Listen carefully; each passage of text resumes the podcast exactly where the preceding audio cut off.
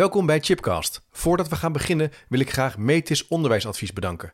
Metis werkt elke dag aan hun missie: excellent beroepsonderwijs voor iedereen. Kijk voor tal van inspiratie, praktijkvoorbeelden en praktische tools voor docenten en onderwijsleiders in het beroepsonderwijs op www.metis-onderwijsadvies.nl. En vergeet ook niet de boekenkast van Chipcast te checken. Op www.managementboek.nl/chipcast vind je alle boeken die in de podcastgesprekken voorbij komen. Welkom bij een nieuwe aflevering van Chipcast. Een podcastserie waarin ik op zoek ga naar verrassende antwoorden en nieuwe perspectieven op vragen die mij bezighouden. Leuk dat je luistert naar een nieuwe aflevering. Chipcast is een wekelijkse podcast over onderwijs. Alles over didactiek, pedagogiek, leren, samenwerken, innoveren, onderzoek en leiderschap. Mocht je nou voor het eerst luisteren, welkom. En vergeet je dan niet te abonneren via je podcast-app of via YouTube en je mist niks. En in deze podcast ga ik in gesprek met Erik Meester over de vraag: hoe maak je een goede lesmethode? Hoi Erik. Goedemorgen. Goedemorgen, leuk dat je er bent. Uh, jij bent leraar, curriculumontwikkelaar voor primair onderwijs aan de Radboud Universiteit in Nijmegen. En je bent ook auteur van het boek Wetenswaardig, curriculumontwikkeling voor primaair onderwijs. En ik denk ook wel bekend in onderwijsland, want je schrijft ook veel, uh, diverse kranten, geeft veel lezingen. En wij zijn collega's. Ja, dus, ja uh, wat dat betreft, tot mijn plezier. ja, zeker, wederzijds. ontzettend leuk om met jou dit gesprek te gaan voeren, hoe je nou een goede lesmethode maakt. Ehm, want jij bent begonnen met het ontwerpen en schrijven van een lesmethode. Ja, ja, dat is wel uh, nieuws. En het is ook niet iets wat ik dacht, als ik een paar jaar geleden had gevraagd van ga je ooit een lesmethode maken, dan had ik waarschijnlijk nee gezegd. Nee. uh, maar ik ben het toch gaan doen. Ja. En um, ja, dus uh, dat is wel spannend. Ja. Is dat niet enorm veel werk? Ja, dat is enorm veel werk, ja. Dus um, ja, de, de mensen waarmee we nou bezig zijn, tegen die mensen zei ik, ja, jullie onderschatten het. Maar ik heb het zelf ook nog onderschat, zeg maar. Het is echt veel werk. Ja. Zeker het onderwerp waar onze lesmethode over gaat, is veel werk. Ja. Maar het is wel uh, nodig, uh, dus, uh, in mijn ogen. Ja, waarom, waarom dan? Waarom, wat maakt dat je bent begonnen hiermee? Nou, ik ben eigenlijk al, ja, nou eigenlijk sinds dat ik mijn eigen leraaropleiding deed. Ja. Zelfs in mijn leraaropleiding was ik al altijd al bezig met onderwijsontwerpen. Dat heeft me altijd enorm getrokken. En ik, ik werkte ook destijds bij een bovenschoolse plusklas. dus er waren kinderen die vielen eigenlijk uit in het reguliere onderwijs. Ja. Omdat ze onvoldoende uitdaging kregen of zich niet in hun eh, cognitieve capaciteiten gezien eh, voelden. En um, die kwamen dan bij ons terecht. En wij hadden dus geen curriculum of niks. En uh, ik weet nog, destijds werkten wij met de kernconcepten van KPC-groep, heeft dat toen ontwikkeld. Ja. En uh, ja, maar die, die waren dus ja, op conceptueel niveau uitgewerkt. En daar was ik toen al bezig met curriculumontwikkeling. Dus eigen thema's ontwikkelden op basis van die kernconcepten. Met eigen onderwijsactiviteit, alles erop en eraan. Uh, dus zo ben ik eigenlijk al heel vroeg begonnen. En um, ja, dat heb ik heel wat jaren gedaan. En daarna ben ik dus ook scholen gaan proberen te helpen om dat ook te doen. En uh, dat viel echt eigenlijk enorm tegen. Oké, okay, waar, waarom dan? Nou, kijk, ten eerste kost het heel veel tijd. Ja. Hè, dus uh, om je echt helemaal je eigen onderwijs te ontwerpen van A tot Z. En ten tweede, uh, ja, bleek het toch wel moeilijker dan gedacht. Ja. En niet dat ik daar gewoon gelijk zo geweldig in was. Hè? Want als ik nu terugkijk wat ik toen deed, toen had ik al heel veel dingen natuurlijk weer uh, uh, beter gedaan in, in mijn ogen nu. Ja. Um, maar ja, ik kwam ook wel achter dat leraren zijn niet per se opgeleid om dat te ontwerpen allemaal. Nee. En um, ja, dus uh, de mensen die dat heel goed konden en dus ook wel leuk vonden, die waren eigenlijk vrij schaars. En ook de tijd die scholen hebben om dat te gaan doen, was ook vrij schaars. Ja. Dus, um, dus ik heb in de jaren en met wisselend succes scholen daarbij uh, begeleid. En uh, dat op een aantal plekken is dus wel gelukt. Maar ik dacht ook na een paar jaar van, nou oké, okay, hoeveel scholen heb ik nou eigenlijk dit uh, weten aan te leren? En ja, dat schoot niet echt op. Dus dat is eigenlijk de belangrijkste reden dat ik dacht van, nou ja, kan ik niet op een andere manier dit gaan doen, zodat ik gewoon meer de grote massa kan bereiken. Ja, maar er zijn toch heel veel lesmethodes al in Nederland beschikbaar. Je zou zeggen als school, ja, je kan uit heel veel kiezen. Wat maakt nou dat je dacht van... Je zegt er al iets over, hè, over kennis, uh, het doorontwikkelen van een bestaande methode, dat je dat al hebt gedaan. Maar waarom was, is dat niet voldoende in jouw beleving? Uh, nee, want dat is dus de andere belangrijke reden hè, dat, ik, uh, dat ik dit ga, ben gaan doen. Dat gewoon het huidige aanbod, daar ben ik wel heel erg in gaan verdiepen ook. Hè, van is er dan niet iets wat ik die scholen kan aanbevelen, ja, ja. waarvan ze in ieder geval vanuit kunnen werken en wat ze dan misschien nog zelf kunnen verbeteren. Ja. En dat viel me gewoon zo enorm tegen. Hm. Hè. Dus wat je nu ziet over het algemeen, is dat de lesmethodes uh, heel veel zijn er heel erg geënt op het onderzoekend leren.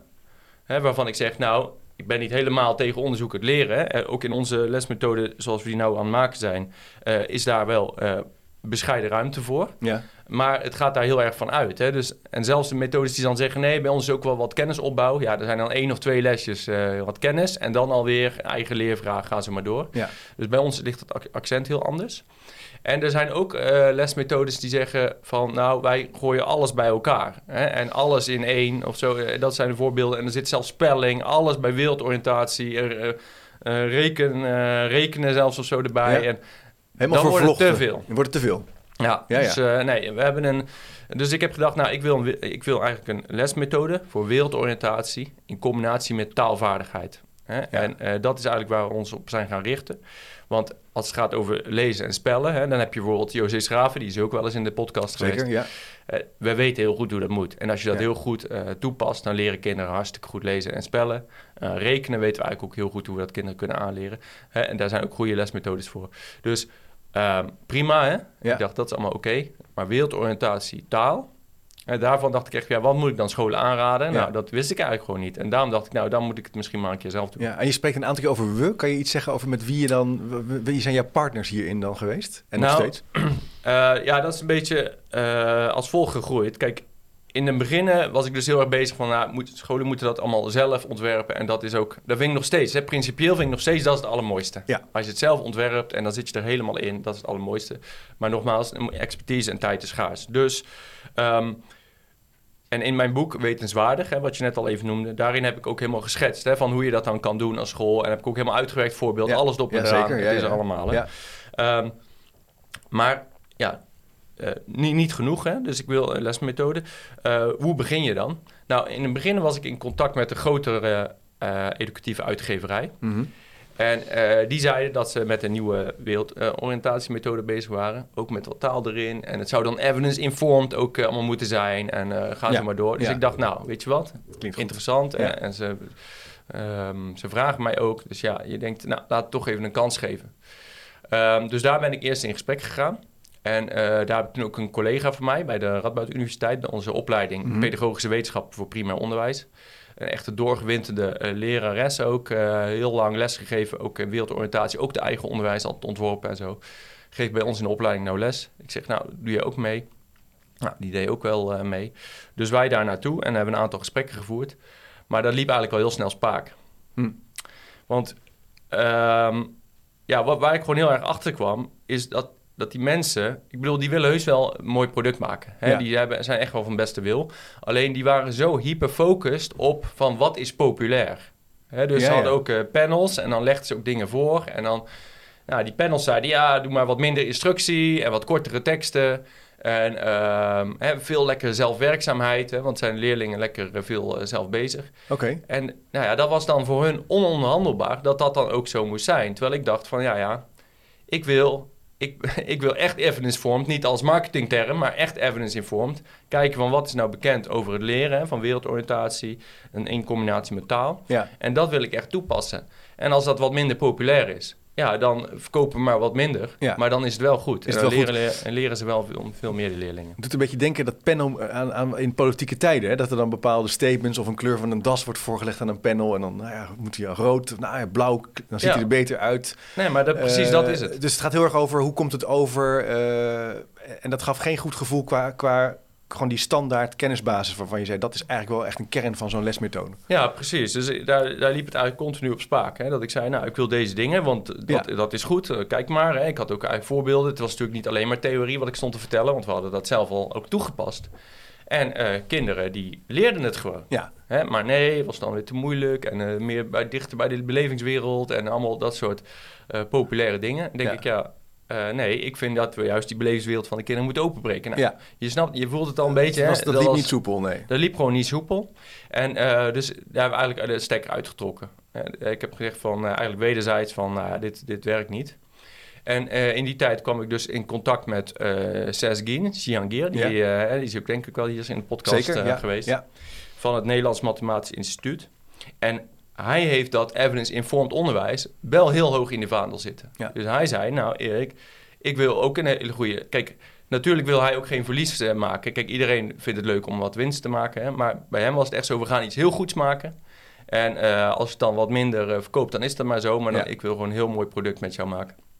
En um, Nou, en, en dat tot de dag van vandaag heeft hij dat ook in ere gehouden. Hè? Dus we maken, we maken een heel mooi product. Wat volgens mij best inderdaad ook ja, niet een makkelijke lesmethode. Oh, hier heb je wat werk en kinderen zijn weer even bezig en zo. Het is denk ik best wel pittig om dat uh, zo te geven.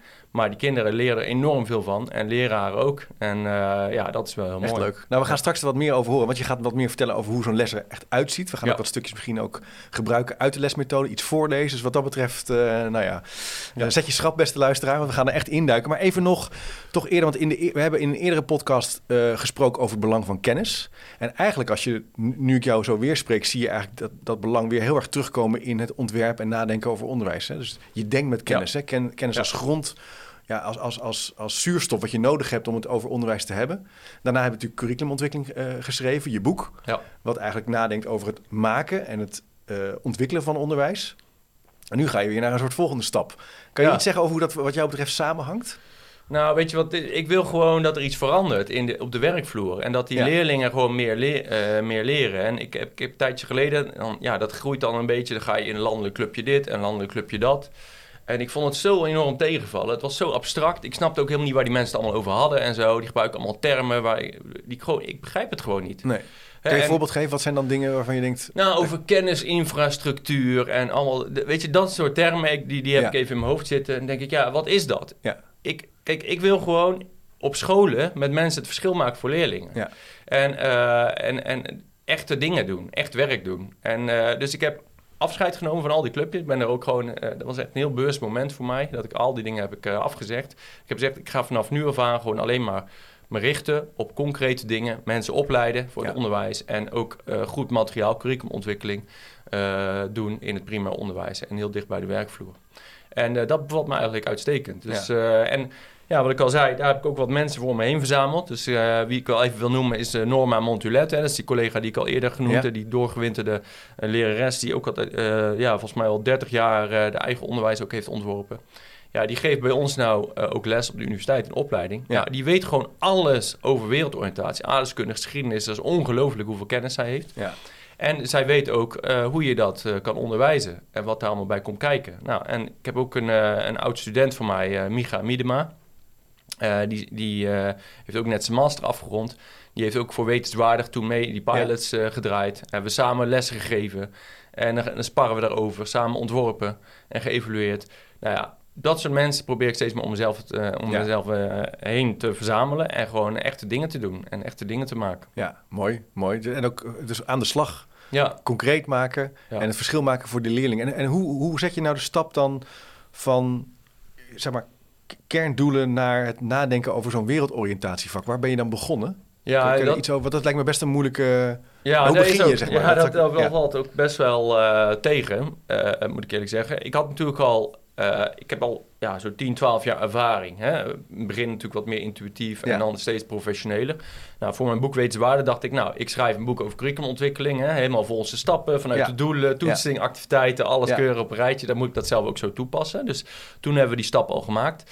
En uh, ja, bij die lesmethode hebben we dat eigenlijk weer wederom gedaan. Maar dan echt het grand design. Want uh, voor Wetenswaarde van mijn boek hebben we toen gewoon één thema gemaakt. Ja. En uh, nu moet je natuurlijk, hebben we 30 thema's, ja. waarin gewoon de, alle kerndoelen uh, vertegenwoordigd zijn. Dus dat is toch wel een stapje, stapje verder. Dus um, nou, wat we hebben gedaan, is, samen met Norma en Micha, we hebben gewoon gekeken inderdaad naar wat zijn die kerndoelen. Nou, ja. die, kijk, dat, het voordeel en nadeel is hè, dat die zo vaag zijn, daar kan je dus alle kanten mee op. Dus ja. die, dat is niet zo ingewikkeld. Maar om daar dan echt mooie thema's bij te bedenken, die dan wel al die kerndoelen goed afdekken, hè, maar ook aansprekend zijn voor leerlingen. Um, ja, daarvoor hebben we gewoon eh, eigenlijk een soort verkennend onderzoekje gedaan van ja. welke uitwerkingen voor leerlijnen zijn er allemaal. Het SLO heeft natuurlijk allerlei publicaties. Ja. We hebben ook boeken zoals deze, De Geschiedenis en ja. Samenleving, van uh, ook uh, Marjan de Groot. is trouwens een oud docent van mij uit een PABO. Um, ja, dat, dat, zijn gewoon boeken waar gewoon de kennisbasis uh, van, van de tijdvakken. Maar bijvoorbeeld ook een boek uh, zoals deze, is Geowijs voor aardeskunde. Die kennisbasis staat daar heel mooi, ook mooi thematisch beschreven. Ja. Dus dat zijn wel allerlei... Dat kan je wel gebruiken. Ja, die we hebben gebruikt om te kijken van... hé, hey, wat zijn nou de 30 thema's waarvan we zeggen... ja, die moet elke leerling echt uh, meekrijgen. Ja, en kan je eens wat voorbeelden geven? Wat zijn van die 30? Wat zijn dan bepaalde thema's waar je zegt... Dat ja, we dan, nou, dat is wel een goeie, want daar zijn natuurlijk heel veel opties in ja, mogelijk. Hè? Want uh, kijk, ik, ik zie ook wel eens scholen die hebben dan een thema zoals verbinding of zo. Of, uh, ja. En dan zijn we die hele abstracte. Daar ben ik eigenlijk niet zo voor. Ja, herfst. Hè, dat zijn dan bijvoorbeeld hele, hele kleine themaatjes. Uh, of verbinding, dat zijn juist hele abstracte thema's. thema's ja. en waarvan ik altijd denk, ja, dat is voor volwassenen. Die zien die abstracte verbinding tussen al die dingen. Maar kinderen zien dat helemaal niet. Dus ik heb eigenlijk gekozen voor hele, ja, het is misschien wat minder sexy en zo, maar gewoon hele simpele thema's. Zoals uh, bij de geschiedenis natuurlijk gewoon de tijdvakken burgers en stoommachines, pruiken revoluties, gaan zo maar door. En bij uh, de aardrijkskunde, uh, bijvoorbeeld de aarde van binnen en buiten, dat is ook waar ik een voorbeeld van bij me heb. Uh, dat gaat gewoon over hoe de, de aardkorst met name continu in verandering is door endogene, exogene krachten van binnen en buiten. Ehm, communicatie en gedrag, meer een techniek thema. Ja. ja, gewoon gewoon de dingen. Benoemen wat ze zijn. Ja. ja. Niet zo ingewikkeld doen eigenlijk. De aarde eh, bijvoorbeeld. Ja, en, en zo ga je. Dus eh, dat zijn die 30 grote brokken, zou je kunnen zeggen. Die aan de basis stonden. En je hebt daar die doelen, eh, die SLO-doelen voor gebruikt. Als, en zo ben je ze. En, en wat ga je dan daarna doen? Nou, dan, dan moet je natuurlijk kijken van wat is nou de volgorde, hè? de sequentie eigenlijk van die thema's en wat is daarin logisch. Nou, bij geschiedenis is dat vrij simpel. Hè? We hebben ons daar ook laten adviseren, onder andere door uh, Marjan de Groot. Uh, die echt experts op dit gebied, die zeiden dat geschiedenis moet je gewoon chronologisch aanpakken. Hè? Dus daar zeggen we echt van, hey, uh, jagers en boeren hè? En, uh, en dan opbouwen hè? Naar, de, naar de televisie en computer. Nou, die tijdvakken, die worden gewoon chronologisch aangeboden. Elk jaar twee tijdvakken. Ja. Bij aardeskunde hebben we gewoon heel erg gekeken van, nou, wat, zijn nou, wat is nou eigenlijk een beetje voorwaardelijk? Hè? Dus uh, bijvoorbeeld iets over landschappen, ja, dan moet je niet pas in groep 8 doen. Nee. Want ja, bijna bij elk aardeskunde thema komt landschap aan, bo uh, aan bod. Dus we hebben heel erg gekeken van welke kennis nou voor, uh, voorwaardelijk voor uh, kennis in latere ja. uh, jaren. Um, ja, en hetzelfde hebben we eigenlijk bij techniek en bi biologie. Ja, er zit een soort logische sequentie in, een soort opbouwen. Daar, ja. Dat is dus echt wel... Er moeten een soort over, scha scharniermomenten in zitten. Je moet nadenken over het ontwerp. Ja, vanuit die grote brokken, die 30, hoe je ze gaat uitzetten in de tijd. Ja, en, en kijk, wat, wat oplettende luisteraars misschien al denken van... hé, hey, maar ja, als ik dan een thema in groep 4 of 5 heb gehad... Hè, dan uh, wat weet ik daar dan nog van in groep 6, 7 of 8? Ja. ja. Um, moet je niet meer een spiraalcurriculum hebben... Hè, waarbij je dus zeg maar... ik heb dus elk jaar een thema, dat komt elk jaar terug en dan verdiepend. Uh, dat is ook nog een keuze. Uh, daar hebben wij niet voor gekozen, omdat... Uh, ja, ook weer vanwege die abstractie, hè, van oh ja, dan heb je zo'n abstract thema wat ja. dan elk jaar verdiept wordt en dan ja, hoe ga je dan op betekenisvolle wijze toch al die inhouden goed neerzetten? Dus waar, waar wij voor hebben gekozen, vond ik toch wel een mooie bevinding, is uh, herhalingsweken. Hm. Kijk, wat we altijd hm. gewend zijn is van ja, we onderwijzen iets en dan ja, het is toch aangeboden. Ja. Maar ja, ja. Uh, aangeboden is niet aangeleerd. Hè? dat is een mooie, nee. mooie wijsheid, tegeltjeswijsheid, die natuurlijk heel uh, veel. Um, die, uh, wat iedereen eigenlijk wel weet, maar toch niet altijd ja. toepast. Ja. Dus elk thema begint gewoon met een week echt uh, uh, herhalingslessen, waarbij dus voorgaande tijdvakken of voorgaande thema's worden daar echt herhaald en ook nog een beetje verdiept met ja, extra bronnen en weer een niveautje naar, naar boven getrokken. En het is ook zo dat in elk thema, je hoort net al een beetje, hè, je hebt techniekthema's, biologie, dus we houden ook die vakgebondenheid hè, houden we erin. Dat is ook wel onderscheidend, denk ik. Omdat je natuurlijk heel veel vakoverstijgend lesmethodes nu ook ziet. Um, in elk we hebben wel specifieke vakgebonden thema's, maar daarin zit ook elke keer uh, lessen vanuit andere thema's. Dus uh, bijvoorbeeld over de aarde van binnen en buiten, thema wat ik hier ook even voor me heb liggen, de ja. opbouw.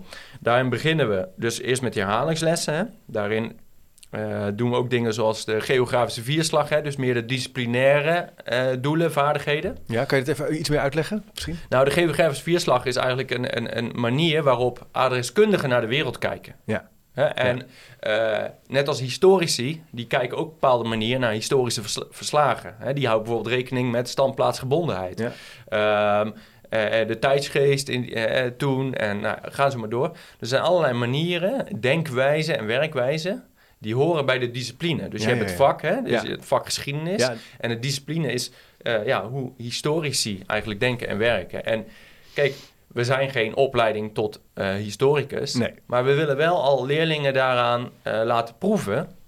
Uh, van ja, hoe kijkt nou een, historicus daarnaar? En, Fantastisch, wat interessant. Dus dat geef je ook al mee aan, aan de leerlingen. Ja, ja, ja. maar wat we wel doen, hè, dat is weer ook wat ik net al zei over het onderzoek het leren. Kijk, we geven dat wel een goede plek. Ja. Hè, dus dat wil zeggen, bij ons hebben ze eerst twee weken lang hè, of twee of drie weken alleen maar kennis opbouwen, zeg maar. Mhm. En dat is trouwens zeer interactief, zou ik daar ook laten zien.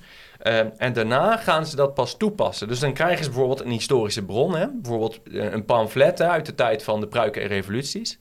En dat, uh, dat is dan wel een originele tekst, die we dan wel een beetje bewerken op leesbaarheid. Mhm, mhm. En die gaan we dan historisch beschouwen. Ja. Uh, Maar, en dan, dan leren we ze daarbij de spelregels ook aan. Maar dat kunnen ze alleen omdat ze al twee, drie weken lang super veel kennis hebben opgebouwd over dat tijdvak. Ze snappen wat ze, ze de, de, kans is groot dat ze snappen wat ze lezen. Ja, dat en ze dat kennis beter kunnen duiden. En dat ze dus ook beter kunnen toepassen. Je zegt eigenlijk daarmee ook, ga bijna mijn kopje, kennis gaat voor de toepassing. Juist, en dat is een belangrijk principe natuurlijk hè, uit de leerpsychologie van uh, kennis gaat vooraf van vaardigheden. En, uh, en en dan doen we niet een klein beetje kennis, maar hoe meer kennis, hoe beter. Hè? Ja. Ja, interessant. Dus uh, herhalingsweken. Ja. Zitten erin? Ja, dus de herhalingsweek, ja, daarin wordt dus uh, ook die disciplinaire kennis als het ware een beetje weer uh, hergeactiveerd. Uh, we herhalen dus en verdiepen voorgaande thema's.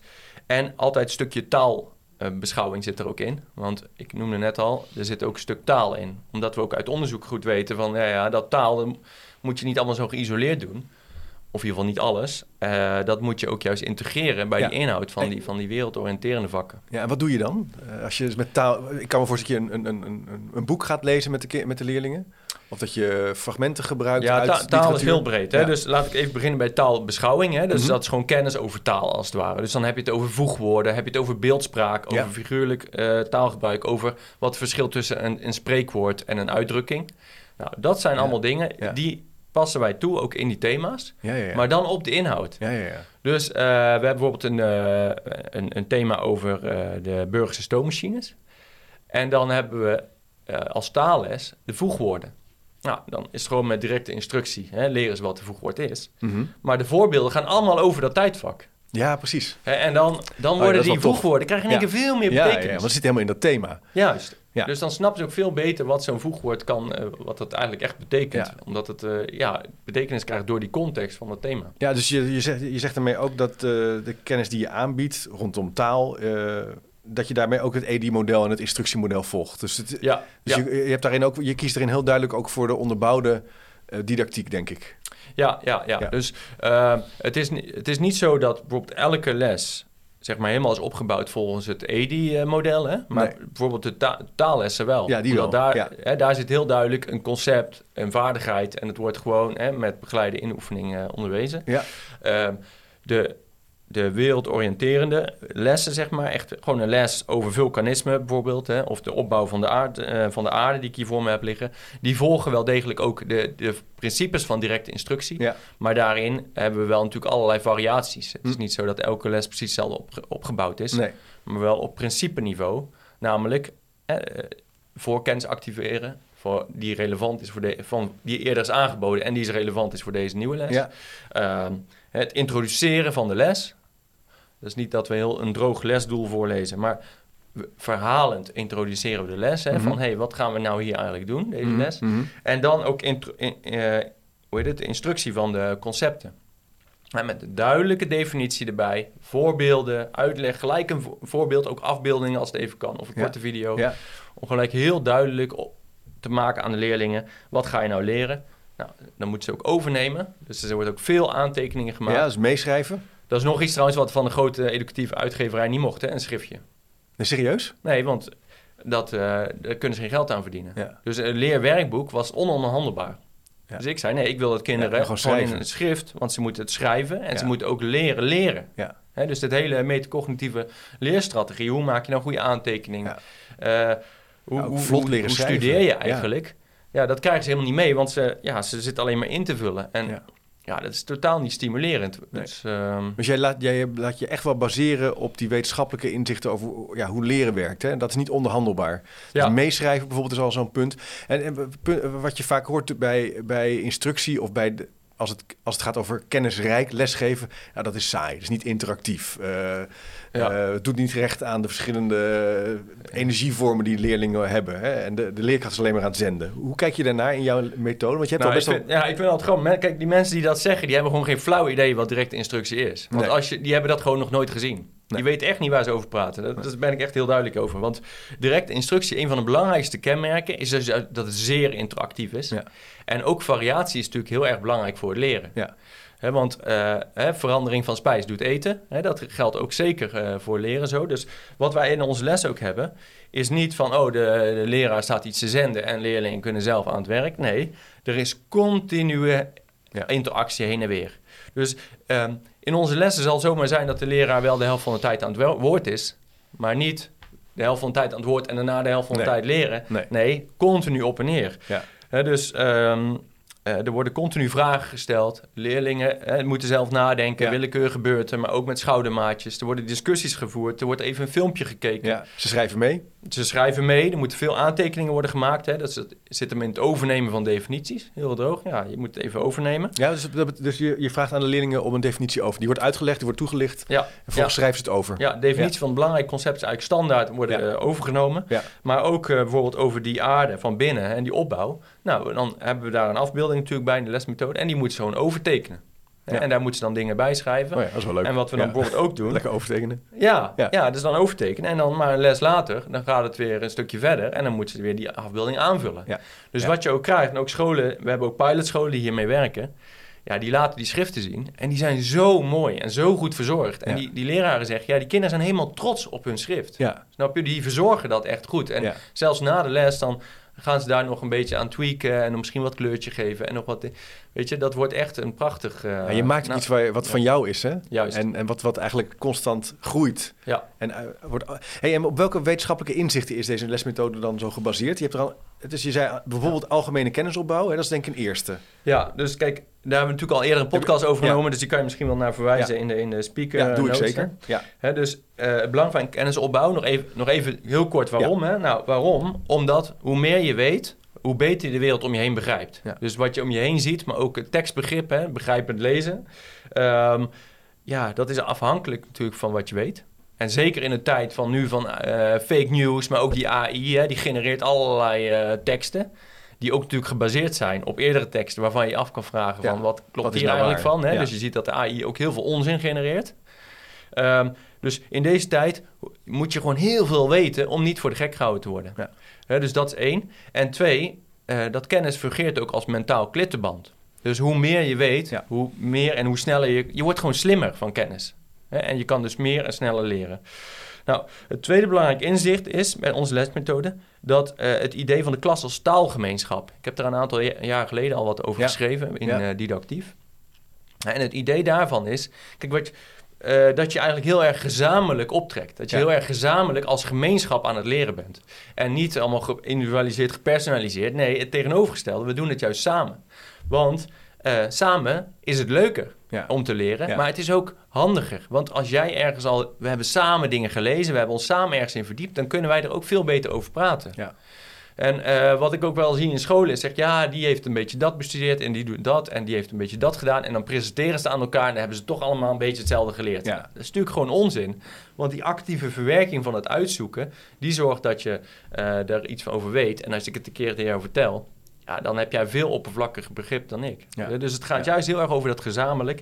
En ja, wat ik al zei, het is ook leuker dat Oh, dat schept zo'n ongelofelijke band. Ja. Wij kregen een mailtje van de school en die zei zelfs in de Sinterklaasgedichten uh, werden allerlei referenties gedaan naar het thema en de hele klas moest lachen. Want we weten, snap je, we hebben, samen... een gemeenschappelijke herinnering. Je hebt met elkaar geleerd, je hebt met elkaar iets doorleefd, gemaakt met elkaar. Dus dat is dus taalgemeenschap, ook in de zin van uh, taalgemeenschap van taal leren, uh, nieuwe taal ontwikkelen. Bedoel je het ook ja, dus Uh, door die gesprekken ontwikkel je dus ook je taal. Ik heb wel eens het voorbeeld gegeven ook van uh, dat ik op uitwisseling was naar Fra Frankrijk uh, toen ik op de middelbare school zat.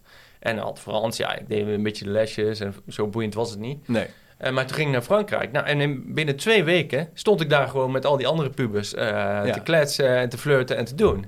In het Frans. Ja. Weet je wel? En dat is gewoon zo bijzonder. En dat is eigenlijk wat je hiermee ook een beetje si ja. mee simuleert, als het ware. Mooi, mooi, mooi. Ja. Nou, een ander belangrijk punt is zeg maar het idee, dat noemen ze in de literatuur domain immersion, hè, domein immersie. Dat je echt leerlingen onderdompelt in zo'n domein, in zo'n thema. En dan niet even twee, drie, vier lesjes, hè, wat je ook heel veel lesmethodes ziet. Maar gewoon vier, vijf weken lang. Ja. Gewoon echt de diepte in met elkaar, er langer over hebben. En ja, dan, kom, dan kan je echt iets gaan opbouwen. Ja. En ook veel meer gaan herhalen in korte tijd. Ja. En herhaling is natuurlijk gewoon zo belangrijk. Meer herhalen, diepgang. Ja. Criticasten kunnen zeggen, ja, maar kies je dan niet te veel één thema?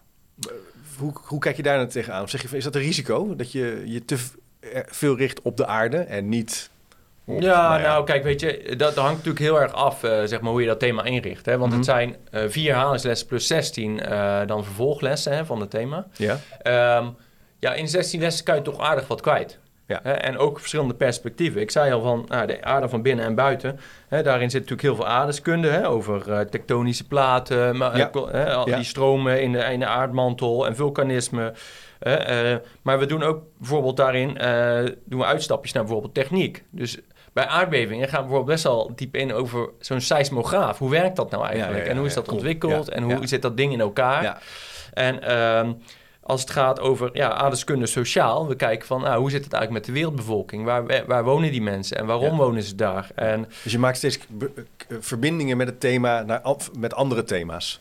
Ja, ja, ja, ja. zonder echt dat vakgebied te veel uit het oog te verliezen. Precies. Oké, oké. dus dat is een dus die domein-immersie. Dat is ook wel een spannend thema. Dus dat is een derde uitgangspunt. Ja, ja. Nou, wat we al een paar keer genoemd hebben, principes van directe instructie. Ja. Dat komt daar denk ik ook wel even naar voren als ik uh, de les ga doornemen. Ja. Um, nou, een ander belangrijk is, daar heb ik me laten inspireren door uh, Marzano. Die heeft het over de dimensies van leren en lesgeven. Dat is eigenlijk al best wel oud, dat idee. Ja. Maar dat, dat is heel erg, dat doorbreekt heel erg mooi dat zwart-wit denken van, oh, je hebt uh, onderzoekend leren uh, of ontdekkend leren en je hebt instructie en er zit niks tussenin. Hè? Kijk, wat hij daarin heel mooi beschrijft is van, ja, je hebt basiskennis. Dat moet je vooral onderwijzen hè, met directe instructie. En naarmate zeg maar, die die, die relatieve expertise, noem ik maar even, hè, van die leerlingen toeneemt, zijn ze steeds meer in staat om ingewikkeldere dingen te doen. Zoals dat historisch verslag beschouwen hè, of uh, een historische analogie te maken hè, van nou, hoe was dat vroeger, hoe is het nu? Of de geografische analogie. Hey, hoe is dat hier? Bijvoorbeeld gebergten en heuvels in uh, Nederland. Hè? En hoe zit dat in Himalaya en de overeenkomstverschillen? Maar het is natuurlijk ook wel logisch dat naarmate je meer weet, kan je ook gerichter op onderzoek gaan. Als je niks weet, ja, kan je ook wel. Ik snap wel het idee dat je dan ook op onderzoek. Maar wat vind je dan? En jij zegt eigenlijk, en dat wordt dus ook onderbouwd met onder andere Marzano. Als je veel weet, ga je, kan je ook gerichter een verkenning uitvoeren. En kan je ook meer dingen gaan zien. Ja, ja, ja. Nu moet even uitknippen. moet even kwijt. Ik heb water voor je. Ja. Want dan wil ik die uh, zes nog wel even doen. Ja, ja, tuurlijk, tuurlijk. Ik had laatst ook zo'n kriebel hoesten, waar ik ja, helemaal ja. idioot gek van. Oké, en dan... Uh, zal ik verder? ja, ga, ga verder, ja. Nou, en een zesde eigenlijk principe wat we heel erg toepassen in, ons, uh, in onze lesmethode, hè, waarvan we ook vanuit de wetenschap werken, dat, weten dat het heel uh, goed werkt, is storytelling. Nou, eigenlijk de kracht van verhalen. Ja. En dat doen we eigenlijk op verschillende manieren. Kijk, ten eerste, uh, wat ik al zei, zit er een opbouw van die thema's. En daar hebben we over nagedacht, zodat het ene thema goed voorborduurt op het andere. Nou, bij geschiedenis is het natuurlijk evident, hè? dus het grote narratief hè, van de tijdvakken en hoe het ene met het andere samenhangt. Daar besteden we veel aandacht aan. Best ingewikkeld, hè, maar we proberen dat heel goed te doen. Uh, dus over de thema's heen zit een soort narratief. Maar ook de thema's zelf hebben een heel duidelijk narratief. Dat wil zeggen elke les Hè, um, ja, bereidt de leerling eigenlijk voor op de volgende les. Mhm, en er mhm. worden ook continu verwijzingen gedaan. De volgende les gaan we hierover hebben. En dan die volgende les wordt weer teruggepakt de vorige les. En dan zeggen we, ja, nu hebben we dit wel, nu begrijpen we dit wel, maar hoe zit dit dan? Weet je wel? En dan gaat dan de hele tijd weer zo verder. Vraag. Ja, weer een nieuwe vraag. Dus er zit heel veel uh, verbinding tussen de lessen uh, zelf, zodat het echt een mooi geheel wordt. En ook in, in de lessen zelf zit een heel duidelijk narratief. wat ik net al even kort noemde. He, we wordt, er wordt voorkennis geactiveerd. Op basis van die voorkennis wordt gelijk, gelijk gezegd van... hé, hey, uh, wat gaan we dan deze les doen? en dan gaan we naar de concepten. En dan wordt ook door de lesfase heen... proberen we continu de leerling uh, mee te nemen naar, naar de volgende stap. En bedoel je nou met narratief... Uh, dat je snapt wat het grotere verhaal is. Dat je snapt wat je aan het leren bent. Dat het, uh, maar narratief kan ook een verhaal zijn, letterlijk een, een, een, ja. stuk uit een boek of zo. Maar misschien. Ja, nee, dat, dat doen we dus ook. Hè? Dus, we zitten natuurlijk informatieve teksten zitten volop okay, in. Hè? Dus we hebben echt tekstschrijvers die, die voor, voor de lessen. Hè? De, de meeste lessen bevatten natuurlijk ook teksten. Soms wat langere teksten ook, hè? tot 800 woorden, echt langere teksten. Maar ook uh, soms wat korter, zodat we wat meer met videomateriaal werken of andere uh, multimedia. Um, of als de leerlingen natuurlijk meer in debat gaan met elkaar en wat kortere teksten. En nou, gaan ze maar door. Uh, dus we hebben teksten, maar uh, we hebben daarin ook verschillende soorten teksten. Hè? Hm. Dus we hebben uh, informatieve teksten, maar ook echt verhalende teksten. Hè, bijvoorbeeld in, de, in het thema over de opbouw van de aarde, en dan gaat het op een gegeven moment over, natuurlijk ook over aardbevingen, hebben we echt het verhaal van een Japanse jongen ten tijde van die Fukushima-ramp. Oh ja. Die tsunami. Die tsunami en die aardbeving. Um, daar hebben we dan ook verhalende tekst bij, zodat leerlingen echt ja, ook die, die emotionele dimensie zeg maar meekrijgen. Ja. En, en ook een heel belangrijk ding, en dat heeft eigenlijk ja, wel en niet met onze lesmethode te maken. Kijk, jeugdliteratuur, dat heeft echt een enorm belangrijke rol. En dat kan ik niet genoeg uh, benadrukken. Ik heb hier het boek van uh, Arend van Dam, uh, Vuur heet dat. Ja. En uh, nou, wat we doen is bij elk thema doen we ook aanbevelingen. Van lees nou naast de lessen, hè, bijvoorbeeld bij het fruit eten of op andere momenten, eh, of op het einde van de dag als je nog wat een kwartiertje over hebt, ga, ga alsjeblieft lezen, voorlezen. Ja. Hè, en bij, uh, bij geschiedenis doen, maken we natuurlijk veel gebruik van bijvoorbeeld Simone van der Vlucht, hè, dat soort boeken over uh, zwarte sneeuw hè, bij burgers en stoommachines. Uh, en nou ja, bij dit thema hebben we bijvoorbeeld dit boek aangeraden van Arend van Dam. Mm -hmm. En als ik die als ik dat even mag voorlezen, het voorwoord, dan krijg je gelijk en dan snap je meteen waarom. Kijk, hij begint zijn boek zo. Eindelijk is het zover. Ik ben onderweg naar het middelpunt van de aarde. Nee, dat is eigenlijk niet helemaal waar. Het middelpunt van de aarde is op weg naar mij. Het komt eraan. We zullen elkaar ontmoeten in IJsland. Na maandenlang, al maandenlang verheug ik me op deze reis. Elke avond kijk ik naar vurige filmpjes van lavastromen. De lava ziet eruit als een oranje octopus die zijn tentakels tot ver in de IJslandse valleien uitstrekt. Op de hellingen van de heuvels kijken IJslanders toe. Ze maken foto's en filmpjes. Ze wandelen mee met de tentakels van het monster. Dat is wat ik wil. Net als de IJslanders op de filmpjes meewandelen met de stroom. Ik wil horen hoe het monster klinkt. Ik wil de hitte voelen. Ik wil de geur opsnuiven. En ik wil het antwoord vinden op de vraag: hoe gevaarlijk zijn vulkanen eigenlijk? Of beter gezegd, kan de uitbarsting van één enkele vulkaan het leven op aarde bedreigen? dus dat is alleen al het voorwoord. hè? Super. Heb je er al zin in? er meteen in. Ja, en je hebt ook het gevoel. Ja. En, en dat is heel erg belangrijk bij jeugdliteratuur. Ja. Kijk, je kan allemaal informatieve en zo teksten over de... Hè, bij Burgers en Stoommachines hebben we natuurlijk over de eh, steenkolenmijnen in Kerkrade en zo. Maar dan als je dan het boek hebt van dat, die jonge meid hè, die daar dan ook moet werken... en die moet die ladder af. En, dat is het. Dan gaat het natuurlijk... Weet je? En wat er dan gebeurt, en daar hoef je niet eens moeite voor te doen, dat is het allermooiste... is dat je dan uh, automatisch die verbindingen krijgt. Dus wat je hebt geleerd in die teksten, in die lesmethode... dat hoor je terug in het boek... Ja. En dan kan je daar weer naar refereren. en dan zie je alle leerlingen, oh, ik herken het. Hè? Maar ook andersom. Dus die dingen die ze dan leren vanuit dat boek, die kunnen ze weer gebruiken om in die lesmethode. Het klinkt bijna te simpel, hè? Maar, ja, dat je denkt, het is heel logisch, bedoel ik. Logisch dat je dat... Maar het is toch moeilijk om het... Uh... Nou, ik vind de lesmethode maken vind ik eigenlijk best moeilijk. Ja, dat zeg ik eerlijk. Ja, nee, dat maar snap ik. dit is heel simpel. Dit is heel dit simpel. Is heel simpel. dit kan je Als je dit doet, gaat het gewoon vanzelf. Ja, ja. ja. fantastisch. Hey, en kunnen we eens uh, een doorsnee les uh, behandelen? Je hebt wat meegenomen, hè? Um, ja, ik heb dus hier wat, wat, wat conceptmateriaal. Hè? We zijn natuurlijk volop nog in ontwikkeling. Ja. Uh, maar dit is een van de thema's die we als eerste uh, ja, gaan, gaan publiceren, om het zo maar even te zeggen. En het gaat over de opbouw uh, van de aarde. En dat is les 2 van het thema, want die context is heel belangrijk ja. van zo'n thema.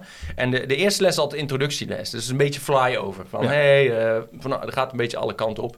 dus daarom dacht ik, dat neem ik nou niet mee als voorbeeld. Nee. Want dan krijg je misschien een verkeerd beeld. Les 2 is dus echt een aardeskundeles over de opbouw van de aarde. En, uh, nou, misschien even, uh, nog even in het kader domme vragen bestaan niet. Welke, welke niveau ja, is dit? is voor groep 7-8. Groep 7-8, ja. ja. En da daarin maken we eigenlijk geen onderscheid. Hè, want kijk, bij rekenen zit natuurlijk veel meer hè, dan bij de zaakvakken. Wel die, die, die, die opbouw. Bij de zaakvakken is het ook wel, maar daar heb je wat minder last van. Okay. Dus ook als je combinatie 7-8 hebt, kan je dit prima gewoon okay. doen. Ja?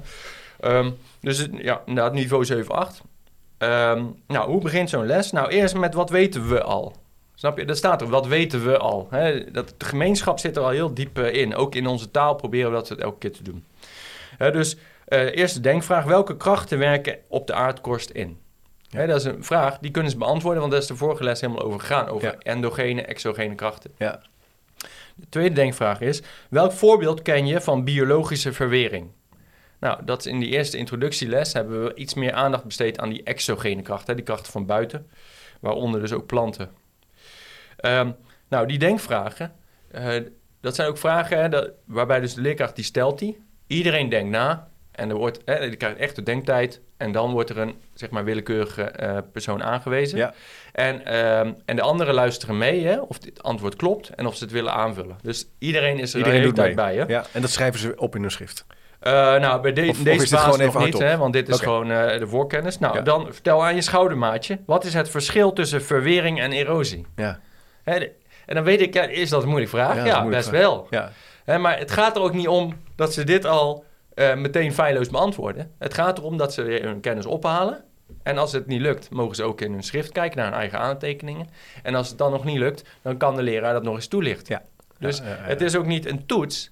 Ja, het is een toets van een voorkennis, maar wel uh, formatief bedoeld. Namelijk, hey, als het nog niet lukt, dan leg ik het nog een keer. Ja, dus het is helemaal niet zo erg als, als leerlingen denken, oh, dat is een beetje weggezakt. Dat is eigenlijk juist de bedoeling. Ja. Dat je het op een aantrekkelijke manier weer even naar boven haalt. Dat ze in hun schrift mogen kijken, dat je er gemeenschappelijk over hebt, zodat je weer door kan gaan. Ja, ja. ja. nou, en dan in de introductie van het lesdoel. Nou, dan zeggen we ook, in de vorige les hebben we geleerd. Hè? Nou, en dan uh, wordt dat even kort herhaald met die kracht van binnen en buiten nog even een keer. En dan zeggen we, nou, vorige keer ging het vooral over die exogene kracht hè, van buiten. Nu gaat van deze les gaat over de endogene kracht. Hè, dus van hoe gaat het nou allemaal van binnen? Nou, en dan volgt de instructie van de concepten. Waarbij dus natuurlijk snel al de tektonische platen aan bod, aan bod komen. Hm. En dan komt er ook een definitie, vrijwel meteen. Een tektonische plaat is een stuk van de aardkorst dat als één geheel beweegt. Ja. Hè, tussen de platen zitten breuklijnen. Nou, en dan moet je breuklijnen ook. Hè, dus er zijn twee concepten. En dan volgt al meteen een, een mooie kaart. Die, uh, dit is even een, nog even een plaatje, maar we hebben een, zelfs een kaart te maken. Nou, uh, ja? Oh, bij, ja, die zelf echt de kaart ook gaat maken, precies zoals we ze willen. Dus dat is echt prachtig allemaal. En dan volgt ook meteen een kaart met die, hè, met die tektonische platen, met die breuklijnen erop. En uh, nou, ze moeten dus die definitie overnemen. En daarna is al gelijk een kijkvraag ook bij zo'n afbeelding. Dus niet even een afbeelding en kijk maar. Nee, en altijd een kijkvraag. En ook bij de teksten, elk tekstdeel heeft een leesvraag vooraf. wat bedoel je met een kijkvraag? Nou, deze is vrij simpel, hè, dan, omdat het natuurlijk net geïntroduceerd wordt van... hey, welk werelddeel ligt nou op welke plaat? Ja, precies. Hè, want die werelddelen kennen ze al. Ja. En dan kunnen ze gelijk al eens kijken, hé, hey, wacht eens even. hey, uh, Zuid-Amerika ligt op de Zuid-Amerikaanse plaat. hey, Noord-Amerika ligt op Noord... Dus dan komen, ontdekken ze al heel snel van... hé, hey, dat, dat is gewoon eigenlijk vrij simpel. Hè? Nou, en dan, zoals je ziet, zijn de platen vernoemd naar de continenten, werelddelen of oceanen waarop ze liggen. Nou, dan gaat het zo verder. Hè? En dan, hey, als je uh, goed naar de afbeelding, naar de kaart kijkt, zie je dat IJsland precies op de grens ligt tussen twee platen. Nou, vertel je schoudermaatje, welke platen zijn dat? Nou, dus leerlingen moeten samen met behulp van een, kennis die net een beetje hebben opgebouwd, en uh, dat kaartje gaan ze samen daarover hebben. Ja. Hey, en dan snap je, ze komen in het onderwerp. Nou, en dan vertellen we dus, hé, hey, daar is een plek, IJsland, en dan hebben we een afbeelding erbij, waar een brug, daar ligt een brug op IJsland over die, over die breuklijn heen. Nou, snap je? En dan, dat is dat spannend. Is, dat is spannend. en dat, dat spreekt leerlingen ook aan. Tuurlijk, hè? Dus tuurlijk.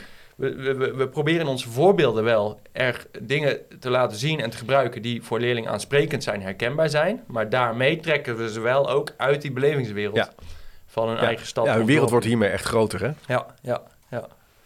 Dus nou, en dan na die instructie met afbeeldingen hè, moet kijken wat er in, in het geval van die concepten belangrijkste voorbeelden zijn. Mhm, Soms mm ook antivoorbeelden. Hè? Dus bijvoorbeeld een reptiel is bijvoorbeeld geen amfibie of zo. Hè? Snap je? Dus even wat is nou het verschil? Het contrast maken. Nou, als je dat goed hebt uitgelegd, en leerlingen hebben wel oefeningen mee gedaan, dan gaan we dus naar het bestuderen van bronmateriaal. En dat is in principe altijd wel, bijna altijd wel een tekst, mm korter of langer. Uh, video's kunnen natuurlijk ook zijn of andere bewegende afbeeldingen. Nou, kan van alles zijn. Maar bronmateriaal. En in ieder geval in het geval van teksten gaat het altijd, altijd vooraf aan leesvragen. dus we, we, lezen nu klassikaal een tekst over. Nou, wordt dan, en dan, voordat die tekst begint, is de leesvraag tekst deel 1. Nou, en dan zit dan een leesvraag gelijk bij, die leerlingen al zorgt dat ze hun aandacht er gewoon gelijk bijhouden. Kan je een voorbeeld geven? Wat is dan een, een leesvraag in, in, die, ja. uh, die je dan uh, aan de groep stelt? Ja, nou, er zijn, die zijn heel erg uh, verschillend. Hè. Dat hangt natuurlijk heel erg af je, van, de, van, de, um, van waar het over gaat. Maar bijvoorbeeld hier heb ik... Is de breuk in IJsland het gevolg van divergente of convergente platen? Oké. Nou, en dan denk je, oh, wacht even. Dus er zijn dus... Hè, de eerste is natuurlijk geïntroduceerd wat die platen dan zijn. Ja. En dan, oh, er zijn dus verschillende soorten platen. Oh, dan moet ik even gaan opletten. Dus dan gaan we lezen en dan gaan leerlingen heel goed opletten, want ze willen... En het antwoord zit in de tekst. Het antwoord zit al... wordt toegelegd toegelicht en dan kan je daarna weet je dus het antwoord. Ja, maar wat dus heel mooi is, is dat de vraag is vooraf. Ja, ja precies. dat vind ik interessant eraan. Ja, ja, ja. En, en dat doe je omdat je daarmee al gericht eigenlijk al ze uitdaagt om uh, te gaan ja, luisteren, maar ook te gaan interpreteren terwijl ze de tekst ja, horen. Ja, ja, en dat ze altijd ja, er is no opting out, hè, zeggen ze dan heel mooi. Hè? Je bent continu bezig en je bent erbij en je wordt continu geactiveerd.